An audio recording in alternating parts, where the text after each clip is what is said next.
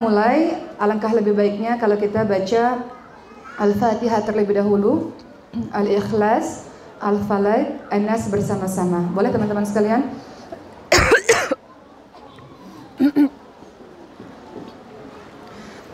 أعوذ بالله من الشيطان الرجيم بسم الله الرحمن الرحيم الحمد لله رب العالمين. الرحمن الرحيم. مالك يوم الدين. إياك نعبد وإياك نستعين. اهدنا الصراط المستقيم. صراط الذين أنعمت عليهم غير المغضوب عليهم ولا الضالين. آمين. بسم الله الرحمن الرحيم. قل هو الله أحد الله الصمد لم يلد ولم يولد ولم يكن له كفوا أحد. بسم الله الرحمن الرحيم. قل أعوذ برب الفلق من شر ما خلق ومن شر غاسق إذا وقب ومن شر النفاثات في العقد ومن شر حاسد إذا حسد. بسم الله الرحمن الرحيم. قل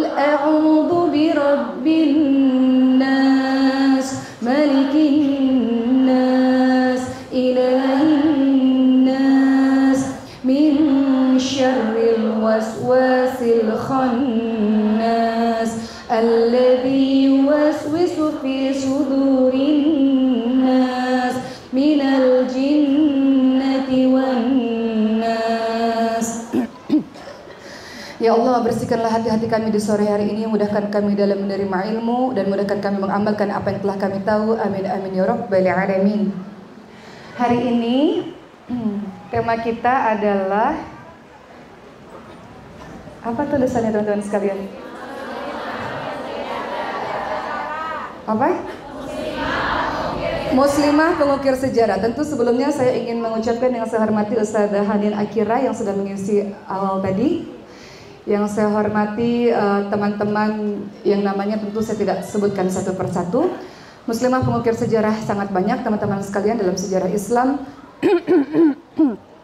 Tapi saya hanya ingin fokus pada hari ini berbicara mengenai kisah dari Siti Maryam yang namanya diabadikan di dalam Al-Quran surah ke-19 dan kisahnya banyak disebutkan beberapa di antaranya dalam surah Ali Imran ayat 33 sampai 37 dan juga surah Maryam ayat ke-16 sampai ke-22 itulah yang akan kita bahas pada hari ini. Seperti yang teman-teman ketahui bahwa dalam hadis riwayat Ahmad disebutkan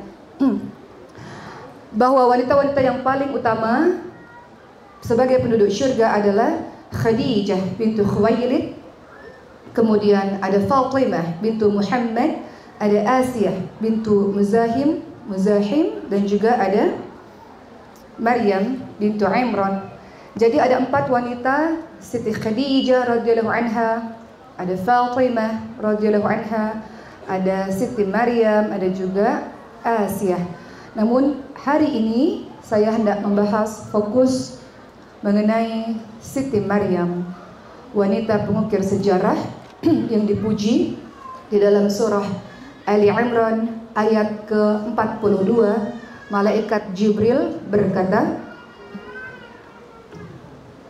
Ya Maryam inna Allah astafaki wa tahharaki wa astafaki ala nisa'il alamin Malaikat Jibril berkata wahai Maryam sesungguhnya Allah telah memilihmu mensucikanmu dan melebihkanmu di atas segala perempuan di seluruh alam pada masa itu.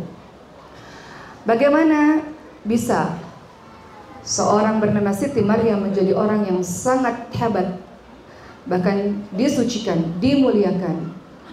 Tentu saja tak lepas dari keluarganya yang juga sangat saleh teman-teman sekalian. Ali Imran diabadikan di dalam surah ketiga nama tersebut di dalam Al-Quran. Untuk permulaan membahas mengenai Siti Maryam, mari kita mengetahui bersama apa yang dilakukan oleh orang tuanya Siti Maryam khususnya sang ibu ketika mendidik Siti Maryam sehingga Siti Maryam tumbuh menjadi anak yang sangat luar biasa. Teman-teman yang punya Al-Quran, kita baca bersama-sama surah Ali Imran ayat ke-35 sampai ke-37 mengenai bagaimana cara sang ibu mendidik Siti Maryam. Seseorang bisa menjadi pengukir sejarah pasti tak lepas dari peran orang tuanya. Semoga walaupun hujan deras tetap semangat teman-teman sekalian. Sudah buka Al-Qur'annya? Surah ketiga, surah Ali Imran kita baca sama-sama ayat 35 sampai 37. أعوذ بالله من الشيطان الرجيم بسم الله الرحمن الرحيم إذ قالت امرأة عمران رب إني نذرت لك ما في بطني محررا فتقبل مني. kita ulangi sekali lagi إذ قالت امرأة عمران رب إني نذرت لك ما في بطني محررا فتقبل مني. إنك أنت السميع العليم. فلما وضعتها قالت رب إني وضعتها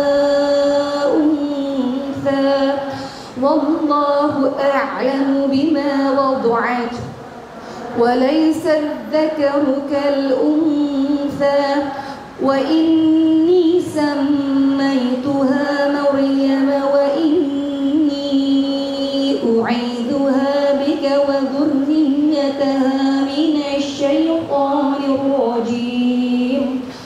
فتقبلها ربها بقبول حسن وأنبتها نباتا حسنا وكفلها زكريا كلما دخل عليها زكريا المحراب وجد عندها رزقا. قال يا مريم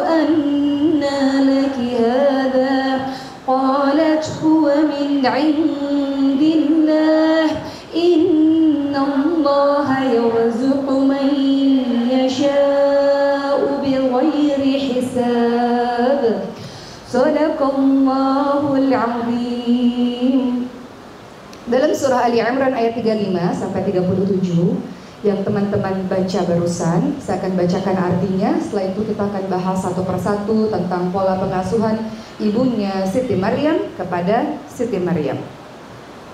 Ingatlah ketika istri Imran berkata, Ya Tuhanku, sesungguhnya aku bernadar kepadamu janin yang ada dalam kandunganku kelak menjadi hamba yang mengabdi kepadamu.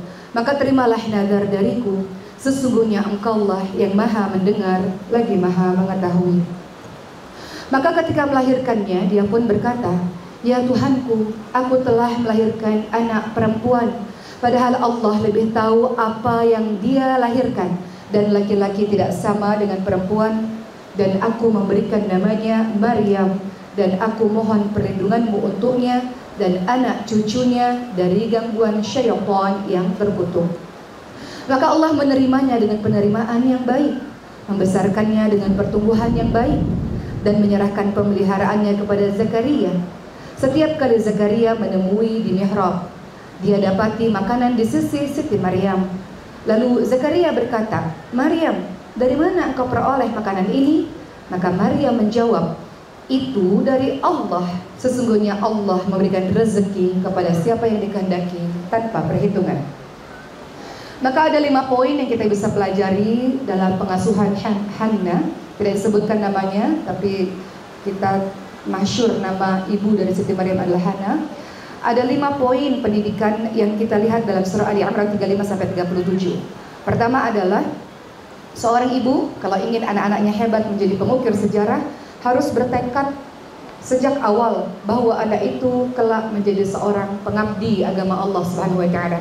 Berazam bahkan sebelum anak itu lahir bahwa sang ibu bertekad anak tersebut harus menjadi penolong agama Allah Subhanahu wa taala apa pun profesinya. Seorang ibu yang salihah, dia tahu anak ini kelak harus jadi seseorang yang bisa berkontribusi untuk agama Allah Subhanahu wa taala. Dan ini disadari oleh seorang ibu yang salihah, maka ibu yang salihah ini pun berdoa. Di dalam surah Ali Imran ayat ke-35, beliau mengucapkan sebuah kalimat kepada Allah Subhanahu wa taala. Beliau mengatakan, إني نذرت لك ما في بطني محررا فتقبل مني إني نذرت لك ما في بطني محررا فتقبل مني Apa yang dikatakan oleh ibu dari Siti Maryam ini? Beliau mengatakan, Ya Tuhanku, sesungguhnya aku bernazar kepadamu, janin yang ada dalam kandunganku kelak akan menjadi hamba yang mengabdi kepadamu. Hal ini tidak akan pernah mungkin terjadi kalau ibunya bukan ibu yang salehah. Kalau ibunya bukan ibu yang dekat pada Allah, tidak mungkin beliau bercita-cita anak itu kelak jadi penolong agama Allah. Maka tugas kita bagi teman-teman yang muda atau ibu-ibu yang ada di sini yang ingin punya anak lagi, kitanya harus salihah terlebih dahulu supaya kita punya pikiran anak ini harus jadi seorang yang menolong agama Allah Subhanahu wa taala. Maka persiapkan diri menjadi ibu yang punya tekad demikian. Karena kalau ibunya tidak dekat dengan Allah, tidak dekat dengan agama, mustahil anaknya diazamkan, ditekadkan untuk jadi penolong agama Allah. Paling anaknya ya sudah jadi penyanyi saja, ya sudah jadi pemain film saja, boleh nggak? Boleh, tapi pemain film yang menolong agama Allah. Boleh, kamu sudah jadi atlet saja, boleh nggak jadi atlet? Boleh, tapi jadi atlet yang menolong agama Allah. Jadi dokter saja, kalau ibunya soleh, jadi dokter yang menolong agama Allah Subhanahu Wa Taala. Jadi dokter yang mengabdi untuk agama Allah Subhanahu Wa Taala. Kamu jadi lawyer aja, itu kalau orang-orang yang nggak dekat pada Allah. Tapi orang yang dekat pada Allah jadi lawyer nak, tapi harus menolong agama Allah Subhanahu Wa Taala. Apa pun jenis pekerjaanmu, tetap dirimu adalah seorang pengabdi hamba Allah Subhanahu Wa Taala, menolong agama Allah Subhanahu Wa Taala sesuai dengan kemampuanmu. Dalam surah Al-Baqarah 30, kalau teman-teman baca dan tadabur, kita ini diciptakan menjadi seorang khalifah. Khalifah tugasnya sebagai wali Allah di muka bumi ini memakmurkan bumi, menyebarkan Islam rahmatan lil alamin, teman-teman sekalian. Jadi, kalau kita lihat ternyata ada pepatah yang mengatakan buah jatuh tidak jauh dari pohonnya. Artinya adalah kalau ingin anak ini hebat, kalau ingin anak-anaknya menjadi pengukir sejarah, kalau kita ingin generasi kita lebih baik, kitanya dulu yang mulai dari diri sendiri terlebih dahulu. Jadi para wanita-wanita, jadilah wanita yang salihah, senantiasa menuntut ilmu, senantiasa memperbaiki diri, senantiasa dekat kepada Allah Subhanahu wa taala. Mudah-mudahan Allah karuniakan engkau juga anak-anak yang saleh salehah insyaallah sebab ibunya salehah, ayahnya saleh. Maka kalau kita lihat yang pertama pola pendidikan yang diajarkan oleh sang ibu Siti Maryam kepada kita kalau kita mau punya anak, dari awal tekadkan anak ini apa pun profesinya nanti harus jadi penolong agama Allah Subhanahu wa taala. Artinya, tentu saja sejak kecil tentu harus dipahamkan dengan nilai-nilai agama. Nah, dakwah ya nak, dakwah itu artinya mengajak orang, merangkul orang, membawa orang menuju kepada jalan Allah Subhanahu wa taala. Apa pun profesimu, ayo nak, dakwah nak. Dakwah bukan hanya tugas orang yang berdiri di podium ceramah bukan Perkataan dakwah, cara berpakaian dakwah. Perbuatan kita yang menjadi inspirasi kebaikan orang lain dakwah. Kita disebut sebagai umat terbaik. Kuntum khairu ummah ukhrijat lin-nas ta'muruna bil ma'ruf wa tanhauna 'anil munkar. Kamu sekalian adalah umat terbaik. Saya, teman-teman semua adalah umat terbaik yang dilahirkan untuk manusia yang punya tugas mengajak manusia lain pada kebaikan, mencegah manusia lain pada kemungkaran. Jadi, mau diri kita atau keturunan kita jadi pengukir sejarah, maka pastikan dari awal tekadkan anak ini kelak jadi penolong agama Allah Subhanahu wa taala. Kemudian yang kedua, bagaimana ya supaya bisa membuat atau menjadikan anak-anak jadi anak-anak yang luar biasa? Kita belajar pengasuhan anak terlebih dahulu dari ibunya Siti Maryam. Yang kedua, berikan nama yang baik. Di dalam surah Ali Imran ayat 36 yang sudah teman-teman baca tadi, ibunya Siti Maryam memberikan nama anak itu Maryam. Wa inni sammaituha Maryam. Dan aku memberikan namanya Maryam. Tentu saja kita semua tahu nama adalah sebuah doa, nama adalah sebuah harapan. Pernah suatu ketika ada seorang ibu dan ayah yang datang menghadap kepada Umar bin Khattab radhiyallahu anhu. Kemudian ibu dan ayah ini berkata kepada Umar bin Khattab, "Wahai Amirul Mukminin, tolong nasihati anak saya nakal sekali. Tolong nasihati dia." Maka anak ini pun dipanggil. Maka anak ini pun berkata kepada Umar bin Khattab, "Tunggu dulu Amirul Mukminin. Engkau ingin menasihati saya? Katakan dulu, apa tugas orang tua kepada anaknya?" Maka Umar bin Khattab radhiyallahu anhu mengatakan, Tugas orang tua kepada anaknya ada tiga. Yang pertama, carikan dia ibu yang baik. Kedua, berikan nama yang baik. Dan ketiga, berikan pendidikan Al-Quran, pendidikan agama kepada anak-anakmu. Maka anak ini pun mengatakan, ketiga-tiganya orang tua saya tidak melakukannya. Ibu saya bukan ibu yang baik.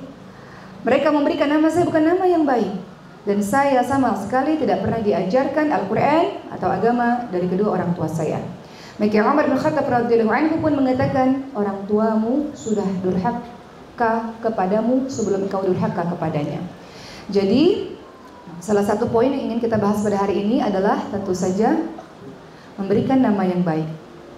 Nama yang baik kalau untuk laki-laki bisa Abdullah, Abdurrahman atau nama-nama para nabi, para sahabat, nama-nama sifat, silahkan. Begitu juga dengan akhwat untuk para perempuan. Boleh teman-teman kasih nama sifat yang baik, hafizah misalnya. Atau teman-teman mau kasih nama para sahabiah, Khadijah, Maryam. Nama anak saya pertama Khadijah. Eh anak pertama saya Maryam Nusaibah. Lupa anak sendiri. Anak pertama namanya Maryam Nusaibah. Maryam tokoh. Nusaibah, tahu Nusaibah? Uh, yang membantu Rasulullah Shallallahu Alaihi Wasallam ketika perang Uhud tahun 3 Hijriah. Bagaimana Nusaibah menjadi perisainya Rasulullah, turun ke medan perang membela Rasulullah. Nama anak saya kedua Khadijah Fatimah. Marut banget ya, semua nama digabungin. Saking ngefans banget sama Siti Khadijah dan Siti Fatimah. Jadi saya gabungkan nama anak saya yang kedua Khadijah Fatimah. Jadi uh, terserah teman-teman, yang penting namanya adalah nama yang baik. Tapi jangan sampai mengatakan pokoknya nama di Al-Quran ya. Hmm, kalau gitu aku kasih nama anak saya Abu Lahab aja deh.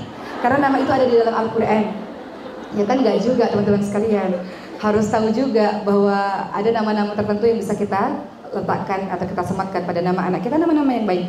Nama adalah doa. Jadi berikan nama yang baik dan panggil dengan baik. Kalau namanya Maryam nggak boleh dipanggil Iam. Saya anak saya dipanggil Iam saya nggak mau. Maryam.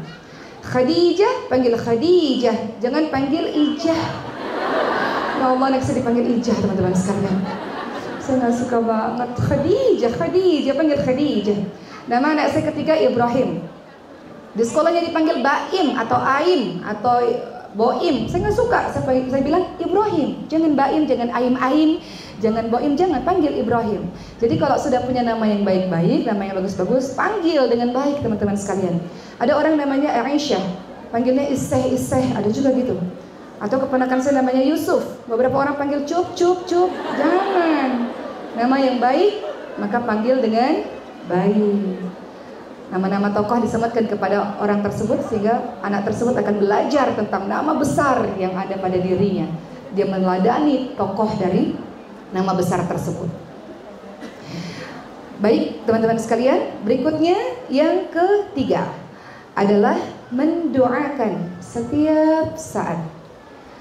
Doa yang mustajab, yang makbul di hadapan Allah Subhanahu wa taala, tentu saja selain orang yang dizolimi, doanya makbul, doa orang yang safar dan doa orang tua kepada anaknya. Begitu kata Rasulullah SAW. Jadi, kalau ingin anak kita hebat, generasi kita hebat, maka doakan terus menerus sebagaimana ibunya Siti Maryam mendoakan Siti Maryam dalam surah Ali Imran ayat ke-36 doanya adalah wa inni u'idhuha bika wa dhurriyyataha minasyaitonir rajim dan aku mohon perlindunganmu untuknya dan anak cucunya dari gangguan syaitan yang terkutuk. Jadi sang ibu senantiasa mendoakan anaknya. Maka doa ibu makbul mustajab, maka untuk teman-teman yang bergelar ibu atau nanti akan bergelar ibu, jangan lupa untuk senantiasa mendoakan setiap saat. Di waktu-waktu mustajab seperti waktu hujan yang turun, dalam majelis ilmu atau teman-teman berdoa ketika khatam Quran, ketika melakukan setelah melakukan amal salih, banyak kan waktu-waktu mustajab teman-teman doa untuk anak. Saya punya seorang teman yang seluruh anaknya penghafal Quran, beliau katakan Rahasianya adalah setiap malam sebelum saya tidur, saya selalu doakan anak saya satu persatu. Saya sebut namanya, saya doakan secara khusus anak saya setiap saat. Dan doa sungguh-sungguh teman-teman sekalian. Bukan doa asal-asalan ya Allah, pokoknya engkau tahu deh apa yang aku mau. Kabulin deh ya Allah, amin. Bukan gitu teman-teman sekalian. Doa yang benar, Doa dengan menghadirkan hati, doa yang sungguh-sungguh betul-betul. Jangan bilang Rabbana atina fid dunya hasanah amin nggak hadir hatinya ketika berdoa. Doa sungguh-sungguh, doa dengan khusyuk, doa dengan penuh pengharapan kepada Allah Subhanahu wa taala. Jadi ibunya Siti Maryam melakukan demikian. Sungguh-sungguh berdoa, ya Allah aku meminta kepadamu ya Allah agar anakku ini terhindar dari gangguan syaitan yang terkutuk. Doa terus menerus. Silakan teman-teman, para ibu atau para calon ibu, doakan anaknya terus menerus setiap saat. Dan kalau kita yang bergelar sebagai seorang anak, minta doa terus menerus kepada orang tua kita. Sebagian anak-anak ada yang merantau, ada yang ngekos kan di sini kan, ada yang sedang menuntut ilmu, ada yang jauh dari orang tua. Tiap hari kalau bisa mah doain ya mah, doain ya mah. Doanya mustajab teman-teman sekalian, harus doa. Bahkan orang tua kalau bisa kita betul-betul jaga lisan beliau supaya tidak melakukan atau mengatakan hal-hal buruk kepada kita. Khawatir makbul teman-teman sekalian. Uh, seorang ibu yang sangat luar biasa. Teman-teman tahu kisah ini. Seorang ibu yang luar biasa pada suatu hari memasak makanan yang sangat banyak untuk para tamu. Tiba-tiba anaknya yang masih kecil ini menaburkan pasir banyak sekali di makanan tersebut. Kalau teman-teman menjadi ibu dari anak ini, apa yang teman-teman lakukan? Oh, luar biasa, nakal banget nih ya, anak durhaka nih ya, hmm, bandel banget gitu kan teman-teman sekalian kan? Di luar sana, di sini semua salihah insya Allah. Tapi apa yang dikatakan oleh ibu ini? Wahai nak, engkau dalam keadaan marah. Nak, engkau akan jadi imam di Masjidil Haram. Bisa nggak bu dalam keadaan marah? Nak, teman-teman, jadi konglomerat nak. Jadi presiden nak, ya Allah nak. Jadi ulama besar nak, bisa nggak bu? Jadi orang paling kaya nak, bisa nggak tuh kalau lagi marah? Ngomong begitu. Jadi triliuner nak, ya Allah, konglomerat nak, ulama orang besar nak dalam keadaan marah. Bisa nggak? Ibu ini mengatakan demikian dan apa yang terjadi berpuluh-puluh tahun kemudian anak itu kemudian kita kenal dengan nama Imam As-Sudais, seorang imam di Masjidil Haram yang sampai hari ini kalau teman-teman umrah atau haji mungkin teman-teman akan diimami oleh beliau berkat dari perkataan seorang ibu yang merupakan doa. Jadi uh, untuk teman-teman sekalian silahkan untuk ibu atau calon ibu senantiasa mengucapkan kalimat-kalimat baik. Saya ingin cerita intermezzo supaya saya nggak terlalu serius dalam menyampaikan ini. Kisah nyata. Uh, saya punya seorang adik namanya Cindy dan Ria Ricis, dua orang adik. Teman-teman kan generasinya Ria Ricis bukan nih? Generasi milenial sebagian. Ria Ricis umurnya 25 tahun, siap menikah teman-teman sekalian. Ya, insya Allah. Nggak tahu siapa jodohnya, a'lam. Jadi saya mau cerita tentang Ria Ricis, uh, ini intermezzo ya, berhubungan dengan doa orang tua ini. Saya dan Cindy, kalau sekolah dulu, kami sekolah di Batam sampai SMA kelas 2 saya di kota Batam, Cindy juga di kota Batam, memang selalu juara kelas. Jadi kalau orang tua ambil rapot, anak kami juara kelas atau tidak? Itu pertanyaannya. Tapi kalau Ria Ricis, muridnya 25, dia ranking 23 teman-teman sekalian. Atau 24, atau 25.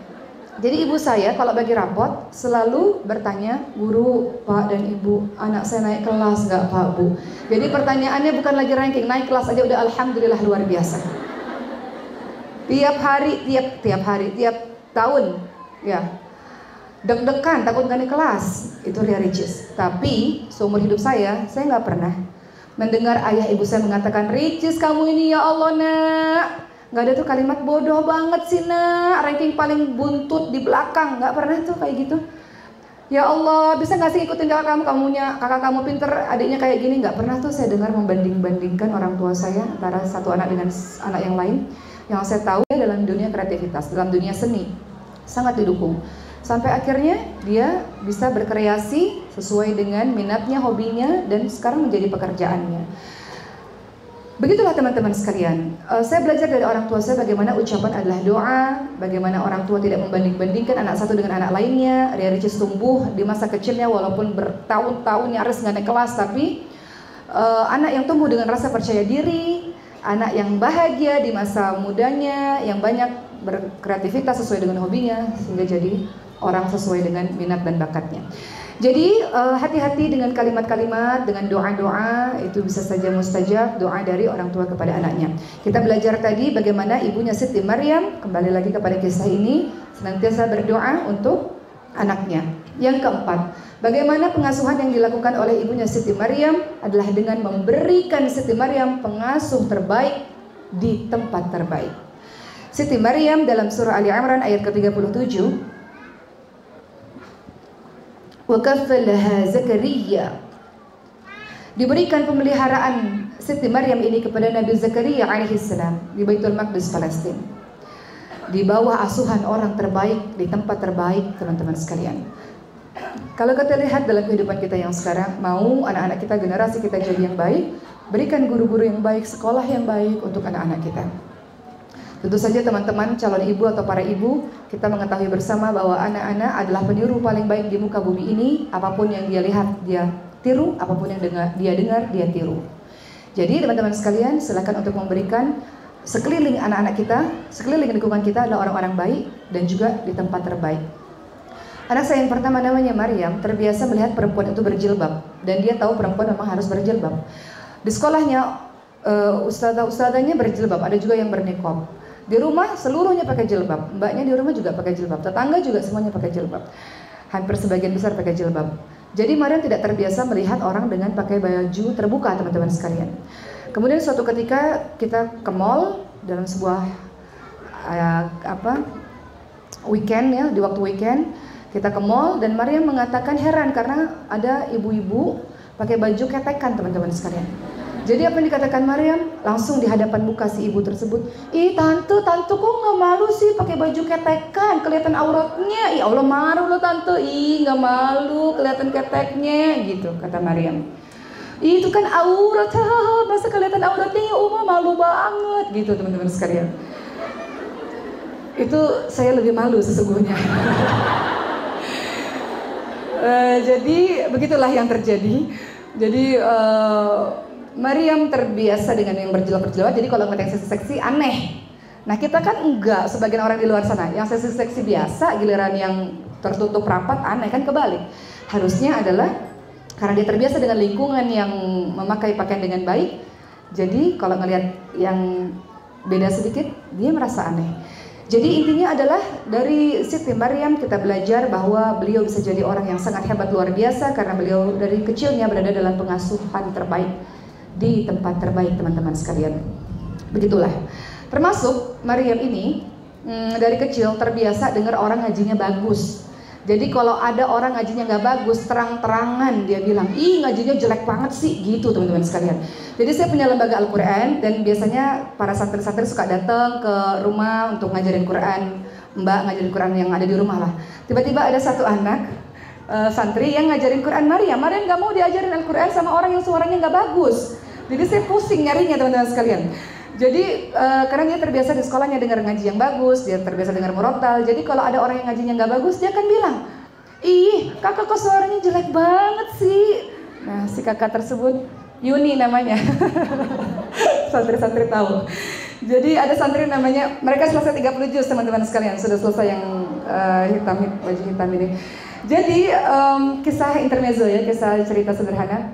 Jadi si santri ini pun pulanglah mengadu kepada santri lainnya. Sakit hati aku ya Allah, anak kecil itu lebih jujur ya Allah, sakit hatiku katanya kayak gitu ya. Jadi uh, terbiasa karena terbiasa berada dalam suasana yang uh, bagus ngaji. Jadi kalau ada sesuatu yang beda dia akan protes. Kembali kepada Al-Quran dalam surah Ali Imran ayat 37 tadi Yang keempat, bahwa pola pendidikan dari ibunya Siti Maryam adalah memberikan guru terbaik, pengasuh terbaik di tempat terbaik. Dan yang kelima adalah memberikan makanan yang baik, halal dan tayyib, makanan yang baik. Sebagaimana Siti Maryam langsung mendapatkan makanan dari Allah Subhanahu wa taala sampai Nabi Zakaria alaihissalam heran, banyak makanan di mihrabnya Siti Maryam. Maka dalam surah Ali Imran ayat 37 Nabi Zakaria bertanya, Qala ya Maryam anna laki hadha Maryam ini semua dapat dari mana Kemudian Maryam pun mengatakan huwa min indillah. Itu dari Allah. Jadi Siti Maryam dapat makanan dari Allah. Kalau kita lihat dalam kehidupan kita yang sekarang Mau diri kita, anak kita, keturunan kita jadi hebat, jadi baik, pengukir sejarah, penolak agama Allah Pastikan makanan, minuman yang masuk ke dalam tubuhnya adalah makanan dan minuman yang halal, tayyib teman-teman sekalian, halal dan baik. Jangan makan yang haram, apalagi termasuk yang syubhat yang penuh dengan keraguan-raguan gak jelas. Jangan makan makanan yang haram dari jenisnya dan juga haram dari cara perolehannya. Contoh sederhana, orangnya ada di sini. Namanya Salma. Mana Salma? Tunjuk tangan. Nah, ini dia orangnya. Jadi, nggak apa-apa, udah boleh balik lagi. Ini orangnya. Saya mau cerita kisah beliau. Terkadang mereka-mereka menemani saya dakwah. Pada satu ketika uh, pernah ada air mineral kalau saya tidak salah yang dikasih buat saya dari masjid, kemudian Salma bawa ke rumah Al-Quran. Sudah berlalu beberapa hari, saya sudah lupa. Air mineral biasa begini teman-teman sekalian, biasa. Saya sudah lupa. Tiba-tiba Salma menghubungi saya dengan mengatakan, Uma, boleh nggak minumannya Salma minum? Kemudian saya katakan, boleh silahkan. Ini kisah sederhana, tapi sebenarnya ini menjelaskan kepada kita bahwa ini adalah bentuk kehati-hatian barang yang bukan milik kita, nggak boleh kita pakai, nggak boleh kita konsumsi, harus izin dulu kepada pemiliknya, teman-teman sekalian. Sekecil apa pun itu, termasuk air mineral yang biasa saja, Salma meminta izin kepada saya, halal nggak boleh nggak saya minum ini, karena Salma tahu minuman itu bukan punya dia. Maka dia pun meminta izin kepada saya. Jadi itu salah satu contoh sederhana bagaimana kita berhati-hati dengan apa-apa yang masuk ke dalam tubuh kita, apa-apa yang kita minum, apa-apa yang kita makan, termasuk untuk anak keturunan kita. Makanya para salafus salih, istri-istri salafus salih, kalau suami berangkat kerja atau suami keluar dari rumah, mereka akan mengatakan, kami bisa menahan rasa lapar, tapi kami tidak bisa menahan panasnya api neraka. Maksudnya adalah suamiku carilah pekerjaan yang halal. Berikan makanan untuk anak istrimu ini dengan yang halal-halal seperti itu teman-teman sekalian. Baik, Alhamdulillahirrahmanirrahim. Tadi tentang pengasuhan uh, Siti Maryam sudah kita pelajari. Kita beranjak pada kehidupan Siti Maryam yang berikutnya. Teman-teman kita baca sama-sama surah Maryam ayat ke-16 sampai ayat ke-22. Surah Maryam adalah surah ke-19.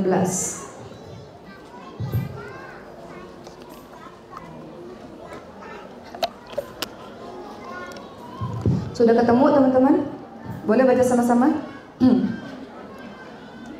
Surah Maryam surah ke-19 ayat 16 sampai ayat ke-22. Sudah? أعوذ بالله من الشيطان الرجيم بسم الله الرحمن الرحيم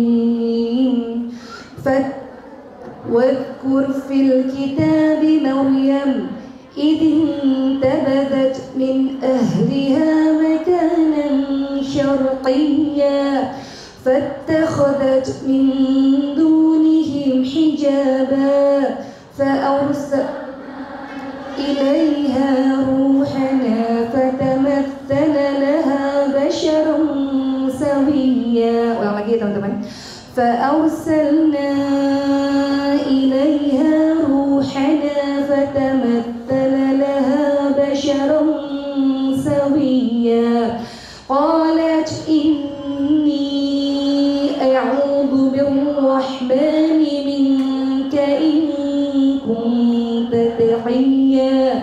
قال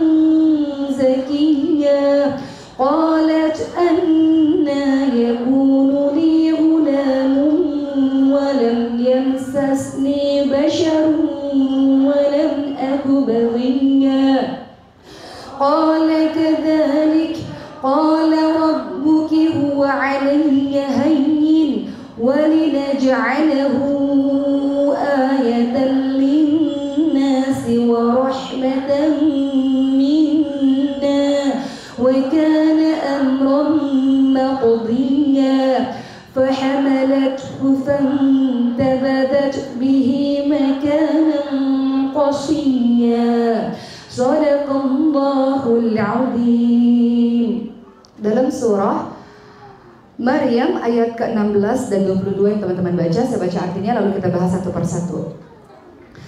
Dan ceritakanlah Muhammad kisah Maryam dalam Al-Quran yakni ketika dia mengasingkan diri dari keluarganya ke suatu tempat di sebelah timur Baitul Maqdis. Lalu dia memasang tabir yang melindunginya dari mereka. Lalu kami mengutus Jibril kepadanya maka Jibril menampakkan diri di hadapannya dengan bentuk manusia yang sempurna. Maryam berkata, Sungguh aku berlindung kepada Tuhan yang maha pengasih terhadapmu jika engkau orang yang bertakwa. Jibril berkata, Sesungguhnya aku hanyalah utusan Tuhanmu untuk menyampaikan anugerah kepadamu seorang anak laki-laki yang suci. Maryam berkata, Bagaimana mungkin aku memiliki anak laki-laki? Padahal tidak pernah ada laki-laki yang menyentuhku dan aku bukan seorang penzina. Maka Jibril pun berkata, demikianlah Tuhanmu berfirman, hal itu mudah bagiku dan agar kami menjadikan suatu tanda kebesaran Allah bagi manusia dan sebagai rahmat dari kami dan hal itu adalah sebuah urusan yang sudah diputuskan. Maka Maryam pun mengandung lalu dia mengasingkan diri dengan kandungannya ke tempat yang jauh. Maka sekarang kita akan bahas keutamaan dari Siti Maryam. Pertama, Siti Maryam adalah wanita yang dipuji oleh Allah Subhanahu wa taala. Dalam surah Ali Imran 42 yang sudah saya bacakan di awal tadi, bagaimana malaikat Jibril mengatakan, "Ya Maryam, innallaha astafaki wa tahharaki wa astafaki 'ala nisa'il 'alamin." Wahai Maryam, sesungguhnya Allah telah memilih kamu mensucikan kamu, melebihkan kamu atas segala wanita di dunia pada masa itu. Maka keutamaan Siti Maryam yang pertama, beliau adalah wanita yang dipuji oleh Allah Subhanahu wa taala. Kedua, keutamaan Siti Maryam, Siti Maryam adalah wanita ahli syurga. Seperti yang teman-teman sudah baca tadi, yang saya bacakan di awal, bahwa afdalu nisa'il ahlil jannah Khadijah binti Khuwailid ada wanita-wanita ahli jannah penghuni syurga. Ada Khadijah binti Khuwailid wa Fatimah bintu Muhammad wa Asiyah bintu Muzahim. Dan kemudian ada Maryam bintu Imran. Yang keutamaan kedua dari Siti Maryam beliau adalah ahli syurga. Disebutkan dalam hadis riwayat Ahmad tadi. Wanita ahli syurga, penghulu syurga, ada Siti Khadijah, ada Siti Fatimah, ada Siti Maryam dan juga ada Asiyah. Keutamaan kedua, Siti Maryam adalah wanita ahli syurga. Keutamaan yang ketiga, Siti Maryam, beliau lahir dari orang tua yang saleh. Dalam surah Ali Imran 35 yang sudah kita baca sama-sama tadi, bagaimana orang tuanya senantiasa berdoa dan bernadar agar anak yang dilahirkan kelak akan menjadi penolong agama Allah Subhanahu wa taala. Beliau lahir dari keluarga yang saleh.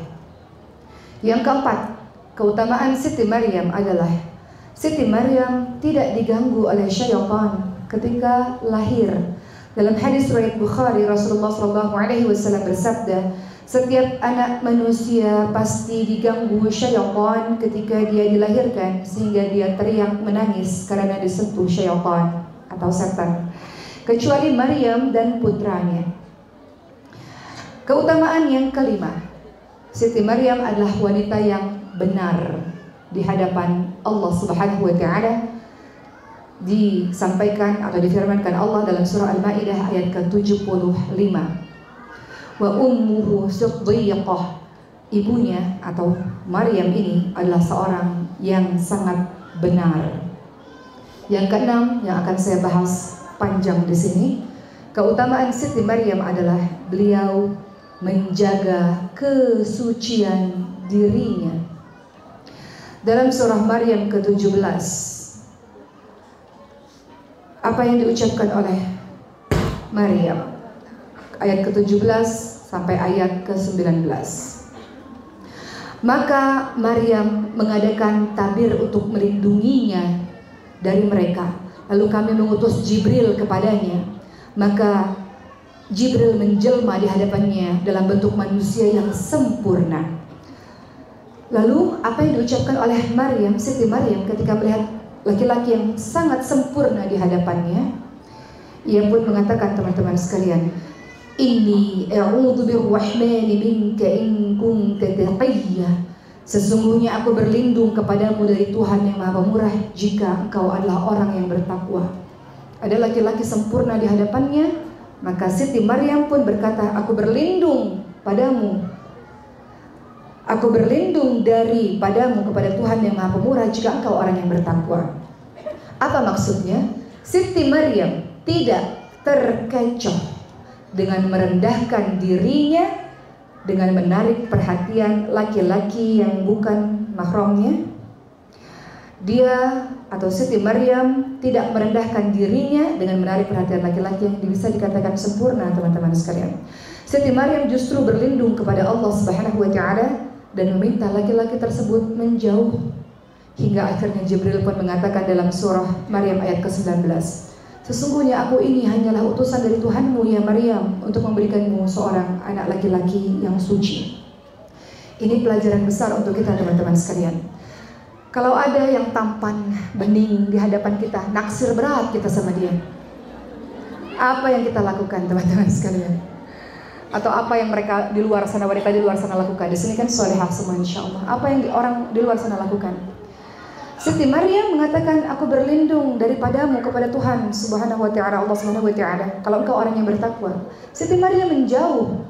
Siti Maryam takut kepada laki-laki ajnabi laki-laki asing laki-laki yang bukan mahramnya. Teman-teman sekalian menjaga dirinya sangat luar biasa. Siti Maryam kalau kita lihat dalam ayat Al-Quran yang lain dalam surah Al-Isra ayat 32, Allah Subhanahu wa taala menerangkan bagaimana cara kita menjaga kesucian diri kita. Apa kata Allah? A'udzu billahi minasyaitonir rajim. Wa la taqrabu zina innahu kana fahisha wa sa'a sabila. Allah Subhanahu wa taala ingatkan jangan dekati zina. Sesungguhnya perbuatan mendekati zina adalah perbuatan yang keji dan sebuah jalan yang buruk. Allah tidak mengatakan jangan berzina. Allah mengatakan jangan mendekati zina. Memandang secara berlebihan seseorang yang mampu menggetarkan hati kita adalah langkah mendekati zina. Berbicara, iya akhi, aku mencintaimu karena Allah akhi adalah langkah mendekati zina. Jangan lupa buka puasa ya akhi, jangan lupa kiamulailnya, udah ngaji belum akhi? Doakan aku ya akhi, aku mencintaimu karena Allah.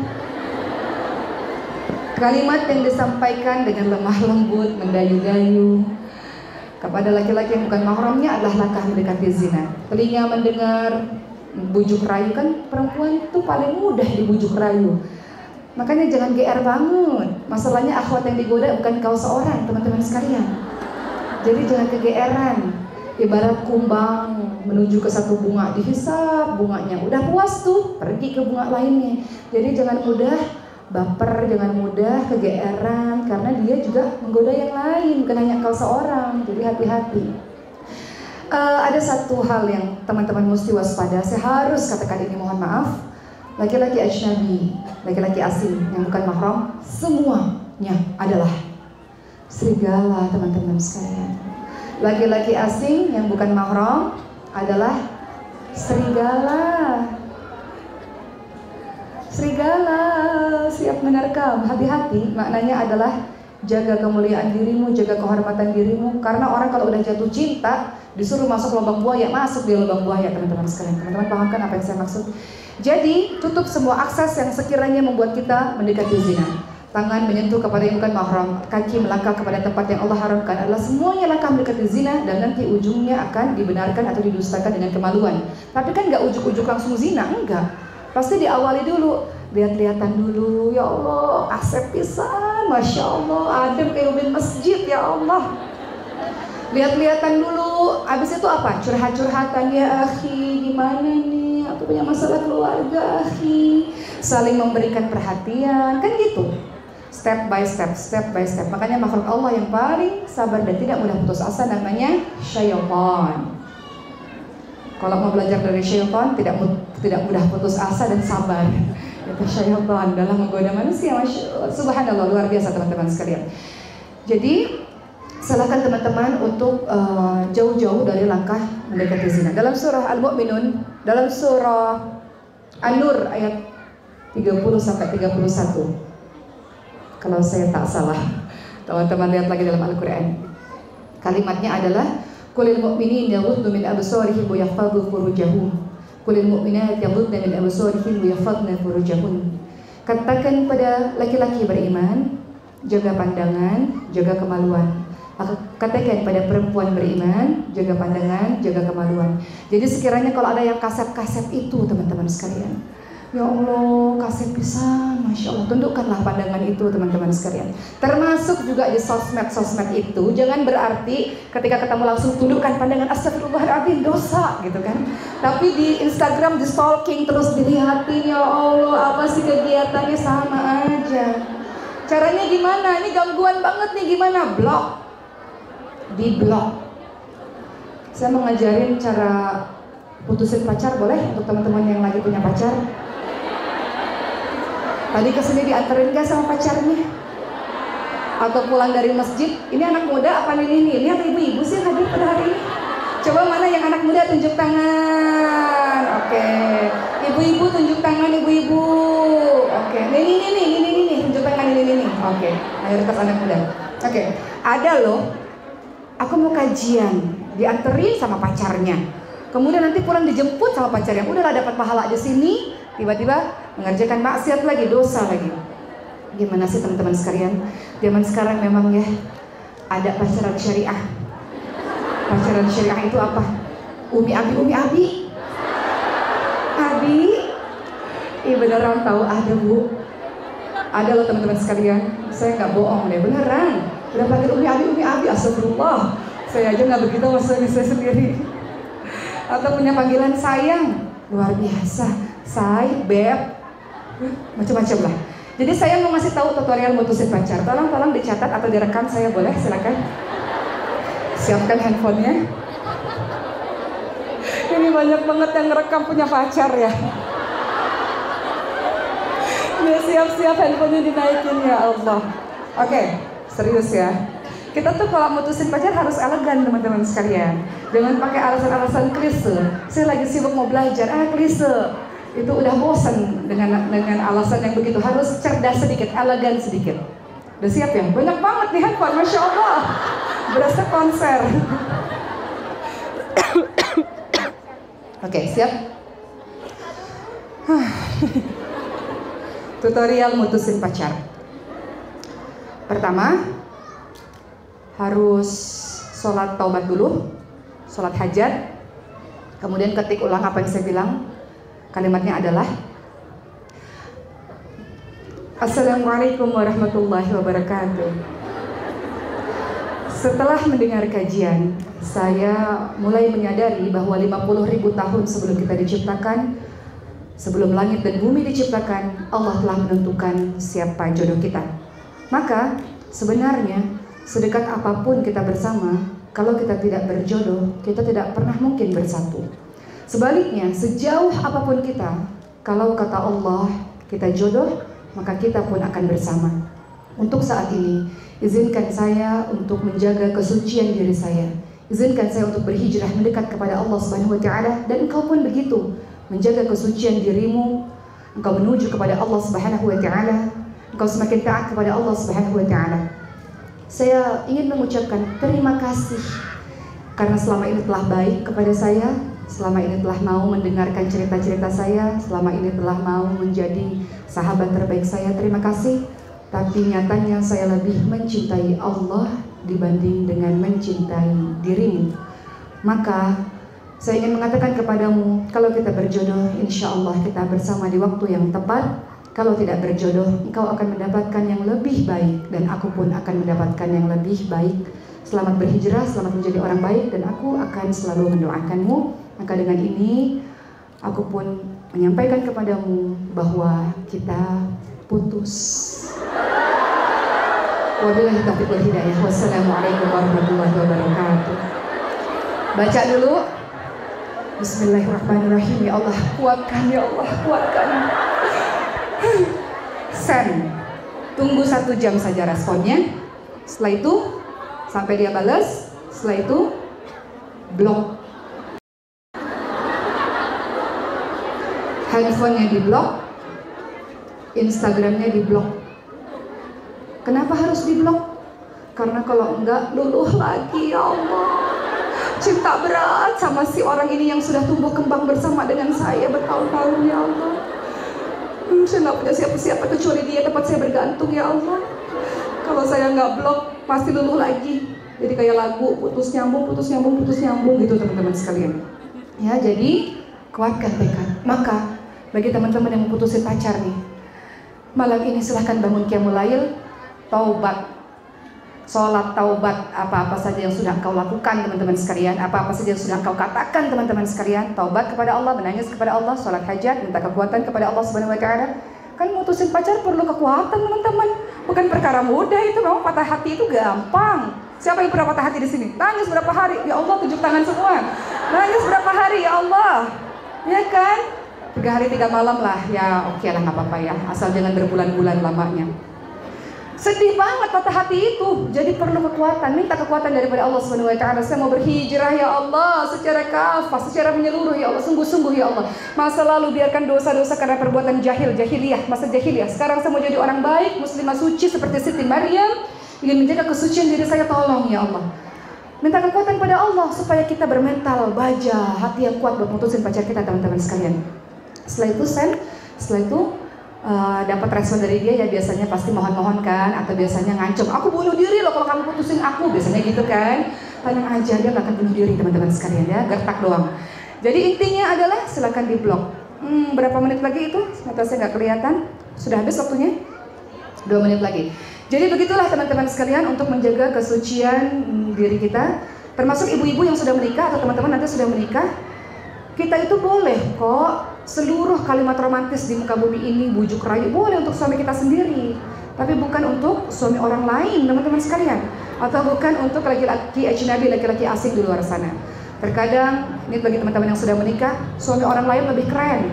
Rumput tetangga lebih hijau. Ternyata rumput sintetis teman-teman sekalian. Rumput palsu ya. Jadi nggak usah aneh-aneh. Jadi uh, saya mengajak pada teman-teman sekalian untuk menjadi perempuan-perempuan yang mampu menjaga kesucian diri. Adapun kalau kita pernah berdosa di masa lalu teman-teman sekalian. Tenang saja. Allah Maha Pengampun, Allah Maha Penyayang. Perhatikan surah surah Az-Zumar ayat 53. Apa yang Allah Subhanahu wa taala firmankan dalam surah Az-Zumar ayat 53 bagi teman-teman, diri saya dan kita semua para pendosa ini. Allah Subhanahu wa taala berfirman, A'udzu billahi minasyaitonir rajim. Wa idh qala apa kalimatnya? Dalam surah Az-Zumar ayat 53, ada yang bisa bantu saya di awal kalimat? Qul ya ibadiyalladzina asrafu ala anfusihim la taqnatu min rahmatillah innallaha yaghfiru dzunuba jami'a innahu innahu huwal ghafurur rahim. Allah Subhanahu wa taala berfirman dalam surah Az-Zumar ayat ke 53 Allah katakan Wahai hamba-hambaku janganlah engkau berputus asa dari rahmat Allah Sesungguhnya Allah, wahai hamba-hambaku yang telah melampaui batas terhadap diri mereka sendiri, jangan berputus asa dari rahmat Allah. Sesungguhnya Allah mengampuni semua dosa. Allah Maha Pengampun, Allah Maha Penyayang. Apa pun masa lalumu yang kau lakukan akibat kecerobohanmu, akibat kejahilanmu atau kebodohanmu, akibat kurangnya ilmumu terhadap agama, kalau engkau kembali kepada Allah Subhanahu wa taala dengan taubatan nasuhan, yakni berhenti dari perbuatan dosa, kemudian menyesal sungguh-sungguh dan berbuat kebaikan-kebaikan untuk menutupi dosa yang kemarin, Allah ampuni dosa kita teman-teman sekalian. Makanya ada jemaah yang bertanya, kalau dulu saya pernah berzina, kemudian saya sekarang sudah berubah ingin jadi orang baik, muslimah yang baik, dan saya menikah dengan laki-laki yang baik, apa saya harus ceritakan bahwa saya dulu pernah berzina dengan mantan saya? Gak perlu teman-teman sekalian, tidak perlu. Masa lalu tutup buku, kita mau jadi orang baik, kita jadi muslimah baik, mulai hari ini dan yang akan datang kita akan menjadi muslimah yang taat kepada Allah Subhanahu wa taala. Sebaliknya, kita sebagai pasangan kalau teman-teman nanti sudah nikah, jangan kepo. Kamu dulu mantan pacarnya berapa sih? kamu ngapain aja sih sama pacar kamu?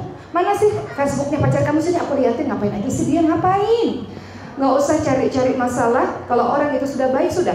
Yang kita inginkan jadi kita baik, pasangan kita baik dan kita berjalan ke depan dengan yang baik-baik teman-teman sekalian. Jadi mengenai Siti Maryam ini kita belajar luar biasa dari Siti Maryam tentang bagaimana beliau sangat membuat diri beliau menjadi wanita yang sangat suci teman-teman sekalian. Mohon izin saya katakan agak keras. Pelacur atau penzina kalau orang hendak menyentuh dirinya harus bayar. Betul?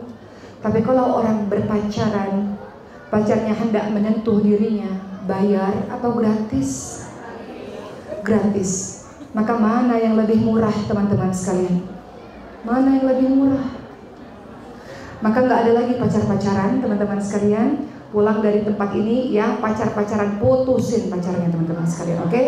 sahabat-sahabatnya jadi saksi, harus jadi jomblo visabilillah. Sabarlah, nanti kalau udah waktunya nikah juga ngapain-ngapain aja boleh Pak teman-teman sekalian. Sekarang sabar. Jangan jadi bahan percobaan bagi pria-pria di luar sana. Nggak usah, kita kan wanita terhormat, terjaga kemuliaannya, harus punya wibawa dong depan laki-laki ajnabi, laki-laki asing. Ada sebuah kalimat yang mengatakan Siti Khadijah, beliau seorang janda, tapi digelari dengan nama wanita suci, betul? Siti Khadijah digelari wanita suci. Namun banyak orang-orang di luar sana mengakunya saya perawan, tapi tidak suci. Karena pernah DP-DP duluan.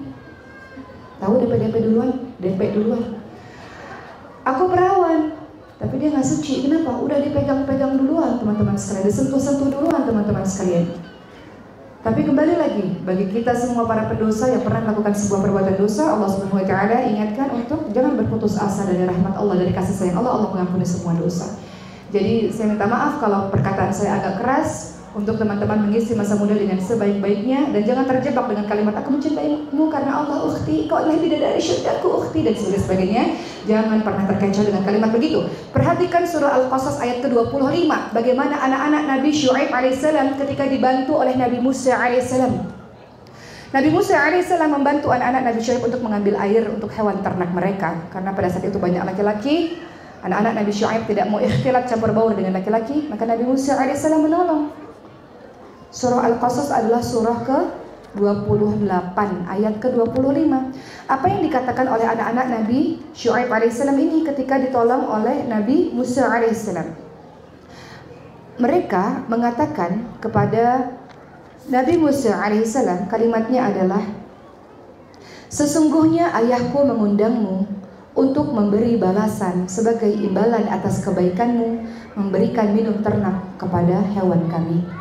Titik. Kalimatnya bukan begini. Wahai akhi, makasih ya. Aku nggak tahu loh kalau nggak ada kamu kayak gimana nasib aku. Kamu tuh pahlawan banget ya Allah luar biasa akhi. Kamu tuh baik banget ya. Ada yang manusia sebaik kamu. Aku tuh lemah lo nggak berdaya lo kalau nggak ada kamu. Makasih banget ya akhi. Jazakallah khair. Barakallahu fiik. Pokoknya semuanya terbaik untuk kamu ya akhi.